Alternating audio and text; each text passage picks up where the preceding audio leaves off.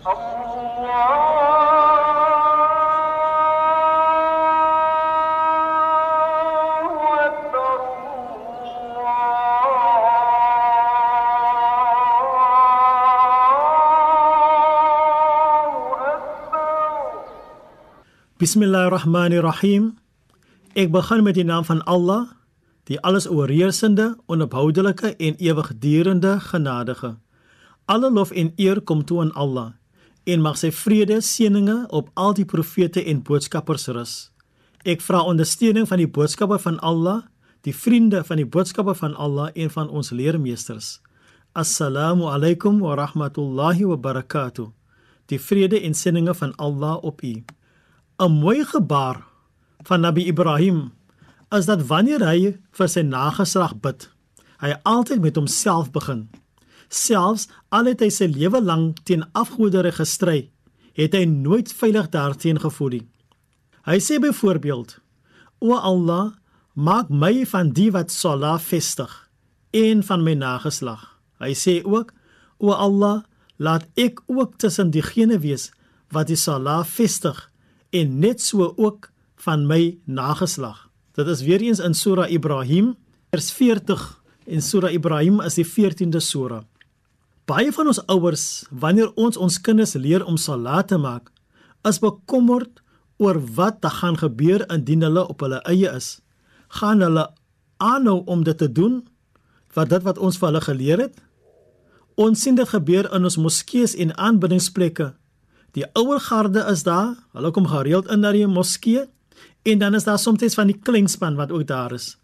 Maar daar is 'n afwesige demografie. Die tieners, die 20-jariges en die vroeë 30ers, hulle is afwesig.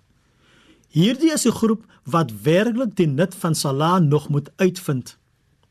Indien ons kyk na die afstand van Nabi Ibrahim, dan sien ons dat onder andere is daar Ishaq en dan is daar talle profete onder Nabi Ishaq. Terwyl as ons kyk na sy broer Nabi Ismail, dan is daar net 'n lang lyn en aan die einde van die lang lyn is Nabi Muhammad sallallahu alayhi wasallam.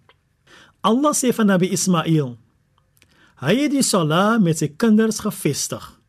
En alhoewel hy nie groot familie gehad het nie, het hy die gebed gevestig. En die mooiste ding van Nabi Ibrahim en sy nageslag is dat hulle in lewe en dood op hulle gebod met Allah gebly het. Toe Ibrahim gesterf het, het hy vir sy seun Ishak gevra: "Vir wie gaan jy aanbid na my dood?" Hy het gesê: "Ons gaan die God van U aanbid."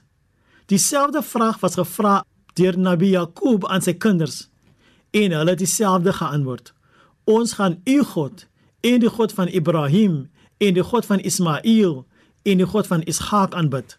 Dit is in Sura Bakara, die tweede sura en dis in vers 133. Dit het die versekering van Nabi Ibrahim gegee dat sy nageslag op die eenheid van God gaan bly. O Allah, hou ons op die geloof van Nabi Ibrahim, Nabi Ismail en Nabi Ishaq. Ons vra dit met die seëninge, die goedheid en die geheimenisse van Surah Al-Fatiha of die openingsverse van die Heilige Koran. Bismillahirrahmanirrahim. Ek begin met die naam van Allah, die alles oorheersende en onophoudelike genadige. Alle lof kom Allah toe, die Here van die geskapende orde, die alles oorheersende genadige, die onophoudelike en ewigdurende genadige. Meester van die oordeelsdag. U alleen aanbid ons en u alleen smeek ons om hulp. Lei ons op die regte weg, die weg van hulle wie u guns verdien nie die weg van hulle op wie u toore neergedaal het nie of die weg van hulle wat afgedwaal het nie. Walhamdulillahi rabbil alamin. In alle dank en lof kom toe aan Allah. Dit is Shahid Maniers wat u met God se vrede, God se seëninge en God se genade groet. Tot 'n volgende keer, insha Allah. Allah